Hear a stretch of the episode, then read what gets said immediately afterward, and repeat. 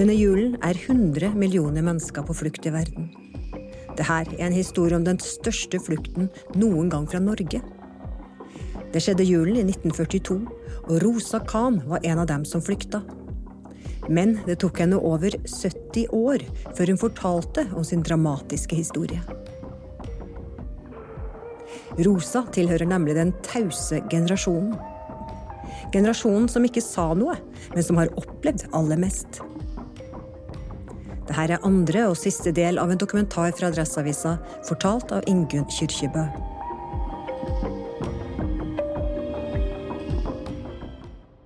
Men skjebnen ville at én kveld En kveld så ringte det på døren.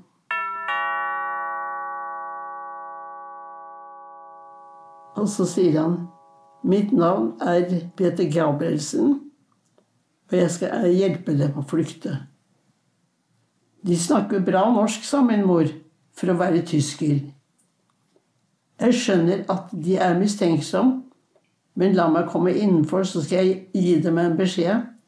Jeg skal hilse dem ifra deres mor og deres søster. Jeg har hjulpet dem over til Sverige. Og jeg er ingen tysker. Så kom han inn, og det var en lørdag kveld, og huset var fullt av folk. Ida Ullmann er usikker. Hun har åpent spurt om hjelp flere steder i Moss. Hvorfor skal det plutselig komme en helt fremmed mann fra Oslo og risikere livet sitt for å hjelpe dem? Ja, når ingen andre gjør det? Ønsker de å avsløre en fluktrute?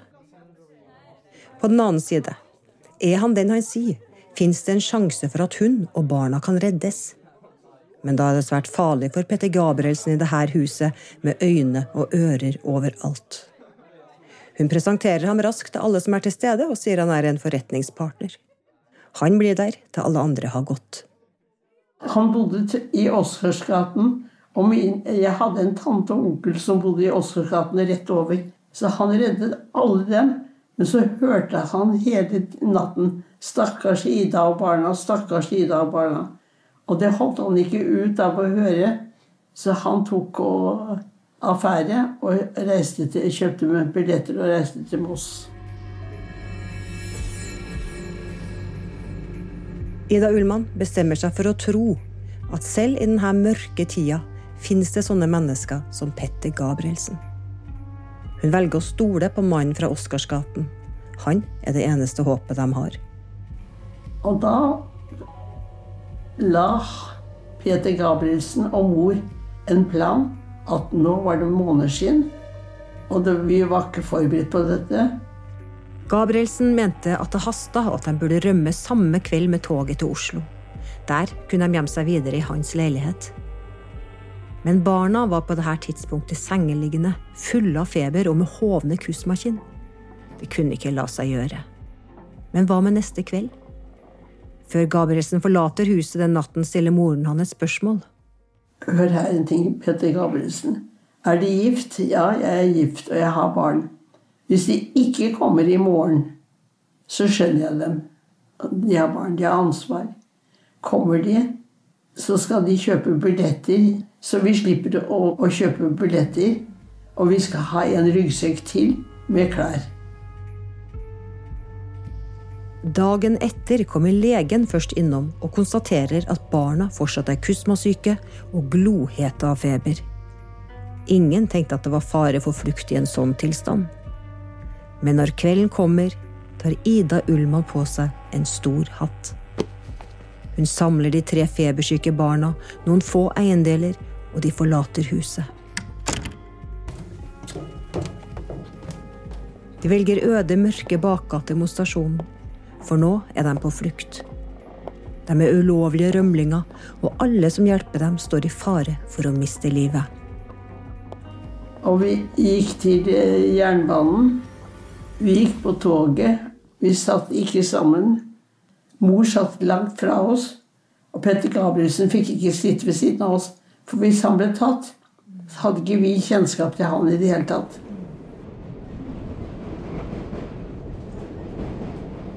Og da vi kom til Østballen, Østbanen Han gikk i forveien. Han snudde seg aldri og så etter oss. uten vi kom trampende bak. Han tok en drosje, og den drosjen sto og ventet en stund. Og så kom vi og satte oss inn i samme bil. Han bodde i Oscarsgaten, og vi skulle få bo hos han til vi fikk en fruktbil. Og vi bodde der, tror jeg, 14 dager. Leiligheten lå i en underetasje og ble brukt som skjulested for mange som nå var på flukt. Petter Gabrielsen og hans familie bodde rett over. Dobbeltlivet var svært krevende og risikabelt. Bare det å skaffe mat til alle i en tid med rasjonering bød på utfordringer.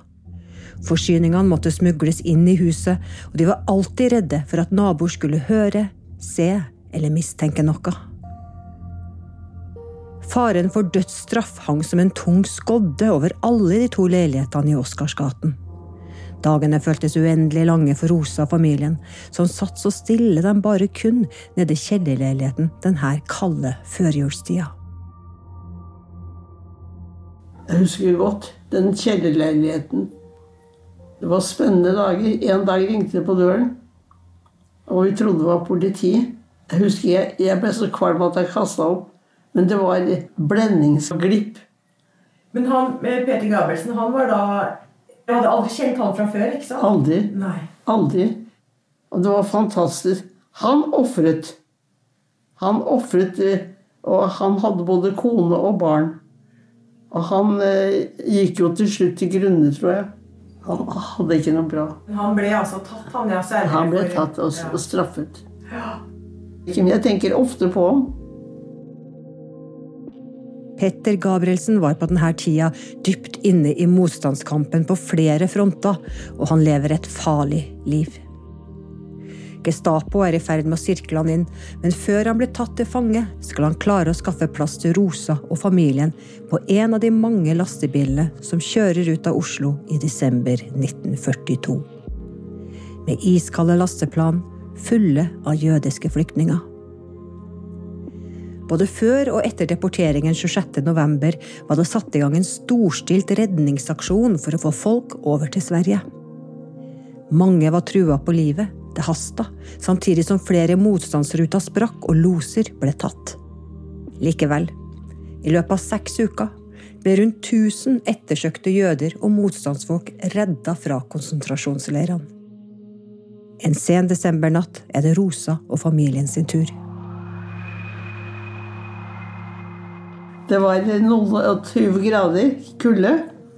Og det var oppsamling på en sånn lasteplan. Og vi så ingenting, for det var mørkt. Vi så ingenting. Og vi så ikke hvem det var heller. Det er 20 minusgrader da de klatrer opp på lasteplanet.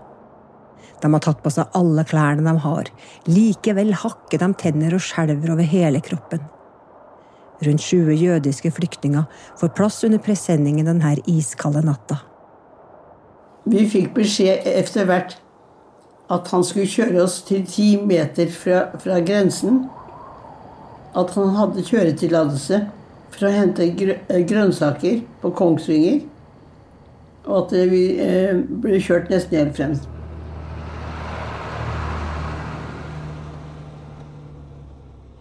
Sånn ble det ikke.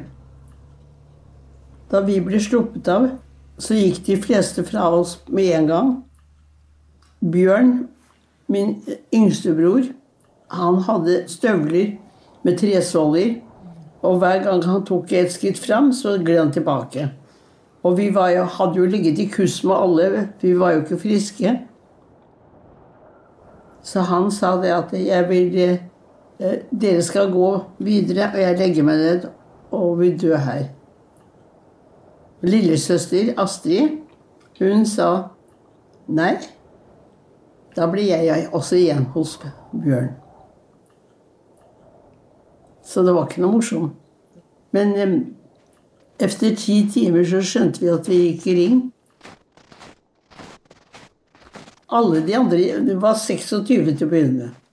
De gikk fra oss med en gang. Og så sier min mor der oppe ligger det et lite sånn grendehus. Bjørn, du går inn der. Og så sier god morgen, og så sier kan jeg få et glass vann, for jeg er ikke, eh, ikke bra. Og så hører du om de snakker norsk eller svensk. Og så kom han tilbake. Hadde ikke fått noe svar, for han hadde ikke lov til å svare noe. Så gikk mor selv. Og hun sa, eh, var mer modig. God morgen, godt folk. Er vi i Sverige, eller er vi i Norge? Det kan vi ikke svare på, sa han på norsk. Da hadde hun fått svar nok. Og så sa han Men han sa noe mer. Dere må igjennom et minefelt. For det er mine, et minefelt hele veien. Det var ikke noe å gjøre med det. Vi måtte gå enten eller, eller ikke, ikke sant? Gå gjennom et minefelt må ha vært fryktelig påkjenning. Vi, vi, vi forsto ikke faren. Nei. Vi gjorde ikke det. Da hadde vi vært hysteriske. Ikke sant. Da hadde vi lagt oss ned, bare. Ja. Og vi gikk gjennom minefeltet, og vi kom oss unna den. Og da var det svenskene som ropte 'velkomne, velkomne'. Vidunderlig. Endelig var de trygge. Men de måtte fortsatt være overvåkne. Blant flyktningene denne kalde vinteren gjemte det seg agenter for nazistene, som hadde som mål å avsløre redningsmenn og fluktruter. Vi fikk beskjed at vi fikk ikke fortelle noen ting, ikke snakke med noen, ikke prate med noen. Og Astrid, som var så liten, hun trodde vi fikk ikke snakke i det hele tatt. Hun skjønte ikke, hun skjønte ikke at det var selve ruten vi ikke skulle snakke om. Så hun ble helt stille, hun, eller? Hun ble helt taus. Og jeg var sjuk, så jeg måtte ligge på sjukeavdelingen. Men mor syntes det var så fælt at vi skulle være der uten å hjelpe til. Så mor meldte meg på alle, alle rengjøringsjobbene. Men jeg var så kvalm. Jeg vaska gulvet. Vasket gulvet. Men Rosa og familien har klart det. De har reist fra jødestjerna på butikkvinduet. De unnslapp arresten, frakteskipet Donau og gasskamrene i Auschwitz som venta på dem. De ble ikke låst inn på Bredtvet fengsel til jul, og ingen ombordstigning på neste båt til konsentrasjonsleirene etter nyttår. Og dem er ikke det eneste. Flere har kommet over grensen før dem, og flere skal komme etter. 60% altså de fleste av jødene i Norge under andre verdenskrig, redda seg over til Sverige.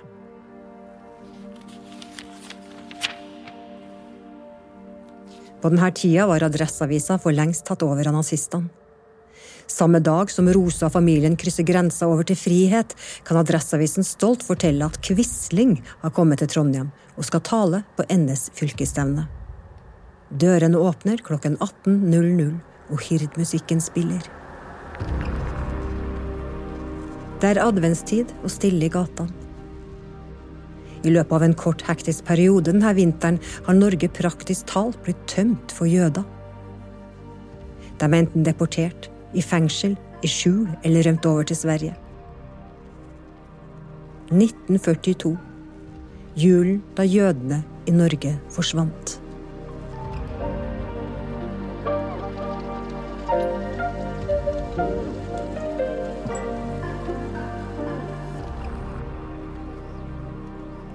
Hvis man har gått gjennom en krig, så kan man ikke forklare engstelsene og redselen til andre som ikke har vært med på det. For det er som Hver dag er noe nytt og vanskelig. Og eh, det kommer man ikke bort fra.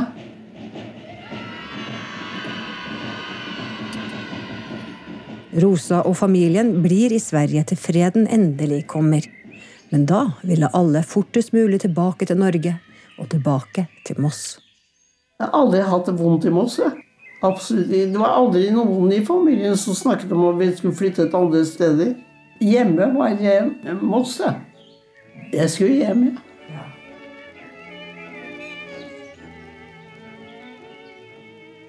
Men krig har en egen evne til å forfølge deg. Langt inn i freden.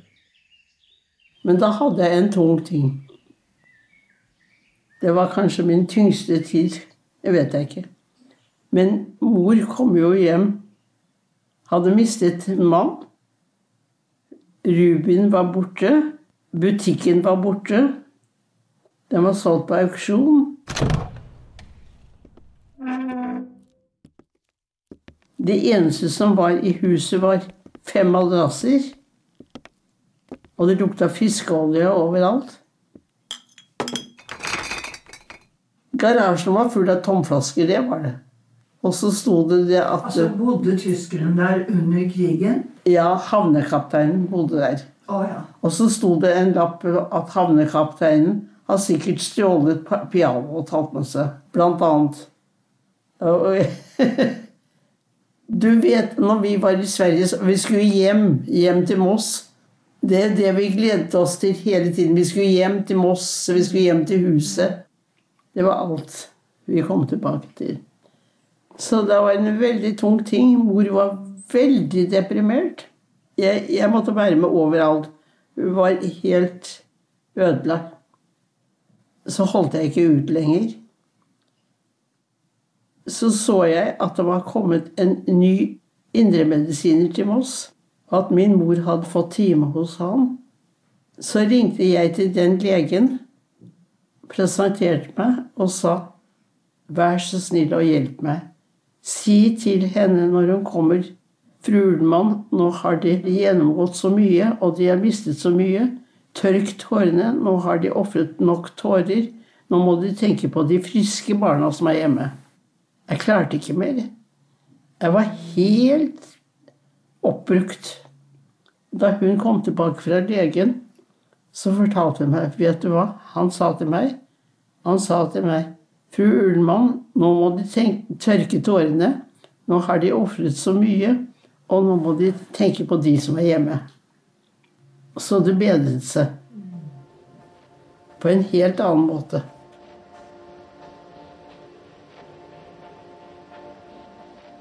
Sakte, men sikkert så finner de tilbake det de har mista, og begynner å bygge opp både forretning og hjem. Men vi fikk jo samlet opp det meste. Eh, Ikke meste, da, men mye. Det var eh, stjålet fra mange. Det var ikke bare for, eh, for jøder. Tvert imot, det var for eh, alle nordmenn som hadde mistet det pga. krigshandlinger. Så tok de og samlet eh, disse eh, møblene og det de fant, i oppbevaringssentraler. Så skulle man gå og se om man kjente igjen noe som tilhørte meg. Og det gjorde vi. Så vi fant jo igjen en del møbler. Ja, Det tok tid, eh, men vi hadde jo tid nok. Og da kunne man jo se hva man hadde funnet igjen, og hva man ikke fant igjen. Og så ble det en nasjonalsak at man skulle få erstatning. Så det var jo allment oppgjør etter krigen for de som hadde mistet. Rosa må ta en enkel utdanning ved Handelshøyskolen for å få tillatelse til å drive butikken, etter at faren har blitt borte. Det var min far som hadde handelsskole. For å kunne drive en butikk så må man ha handelsbrev. Så jeg meldte meg på den enkleste handelsskole for å få det. Etter få år klarer Ida Ullmann ved hjelp av Rosa å få Moss varehus i drift igjen. De kjøper også lokalene som de før leide, og har seks ansatte i Skogata 2. Men med broren Alf går det ikke så bra. Han sliter fortsatt med store psykiske problemer etter at faren og broren ble tatt til fange da han flykta til Sverige som 17-åring. Alf var kommet hjem. Han hadde vært i politistyrkene. Han begynte å bli dårlig. Eh, psykisk syk. At han ble belastet med Ja, det var hans skyld. Så det var tøffe tider. Og den tiden der drev de med lobotomi. Og det var jo Han døde under operasjonen. For jeg husker mor tok telefonen, og det var dødsbudskapet. Uff a meg. Nå, spiser, nå tar jeg en pause. Ja. Og nå syns jeg vi skal spise din kake, mine damer. Vær så god. Takk, takk.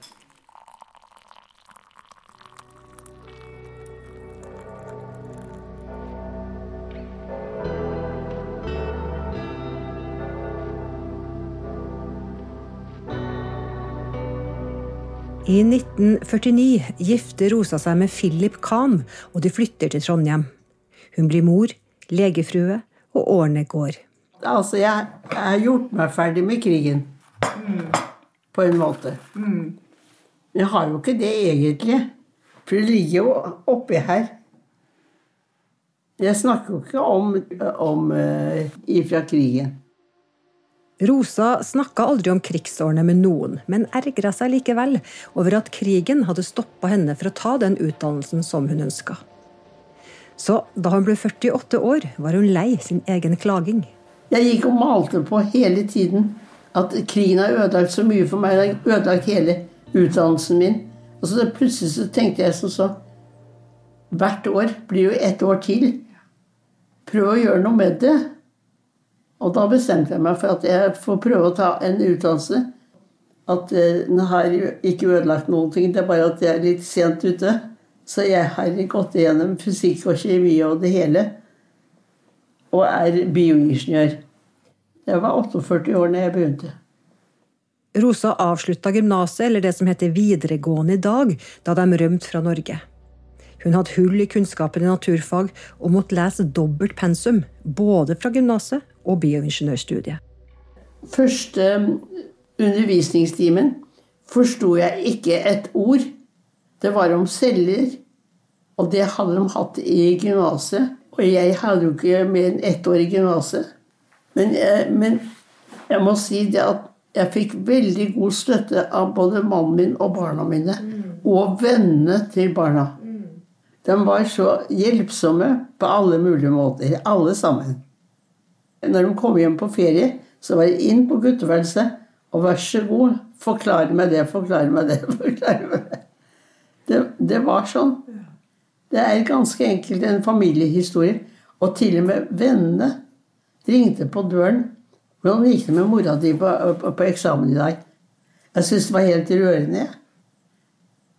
Det viste seg at når det kommer til stykket, så har man krefter, og man, har, man kan hvis man vil. Man må føle at man må gjøre noe. Da kan man. Jeg var så forbanna på krigen at, at jeg tenkte jeg skal ta igjen det jeg forsømte. Det gjorde du òg? Ja, det gjorde jeg. Så nå er jeg tilfreds. Men opplevelsene fra krigen var fortsatt nedlåst og gjemt i taushet. Rosas barn visste ingenting om det hun hadde opplevd. Enn at jeg ikke fortalte barna noen ting. For jeg hadde lagt et lokk oppå alt det vonde. For jeg ville ikke plage dem, at de skulle oppleve at jeg har hatt det så vondt og vanskelig. Inntil Roger sa til meg Mor, hvorfor forteller du ingenting ifra krigen? Ingenting. Jeg har, ikke, jeg har bestemt meg at jeg ikke ville snakke om krigen. Ja, men jeg vil gjerne høre litt. Og da så sa jeg fem minutter hver søndag. Kan vi snakke om krigen? Ikke mer. Jeg ville ikke at de skulle belemres med noen vonde tanker.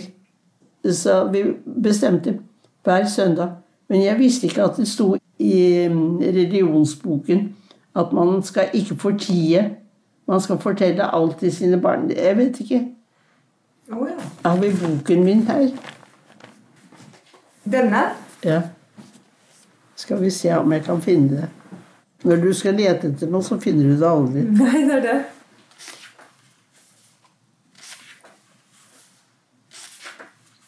I femte Mosebok står det Ta deg vare og vokt deg vel, så du ikke glemmer det du har sett med egne øyne.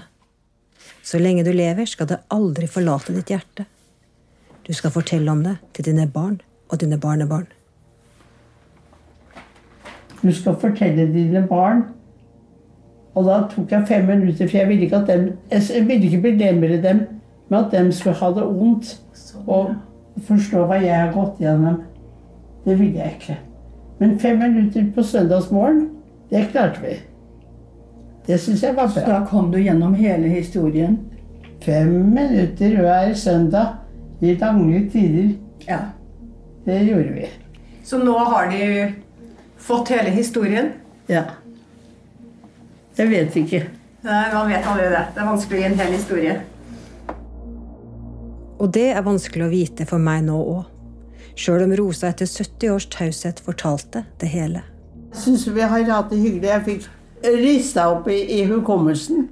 Men vi vet at hun klarte å unnslippe Det tredje rikets dødslister. Ingen norske jødiske barn eller kvinner overlevde deportasjonen til Auschwitz. Vi vet at Rosa Khan levde 75 år lenger enn nazistene hadde planlagt. Hun ble 92 år og dør i Trondheim 10.12.2017. Hun etterlater seg da barn, barnebarn og oldebarn. Alle de årene vi har snakket om nå. mm. Det er Det Ja, det er lang tid. Ja, det er lang tid allikevel. Vi har valgt å sende denne dokumentaren her nå i forbindelse med 80-årsmarkeringa av deportering av norske jøder. Neste år vil vi fortelle mer om hvem den tause generasjonen egentlig er, og fortelle andre godt gjemte historier. Så hvis du kjenner noen som sitter på en sånn sterk historie, så ta gjerne kontakt med meg i Adresseavisa. Du har hørt en dokumentar fra Adresseavisa fortalt og klippa av Ingunn Kyrkjebø, lydmiks gjort av Jørgen Meyer i Ambolt Audio.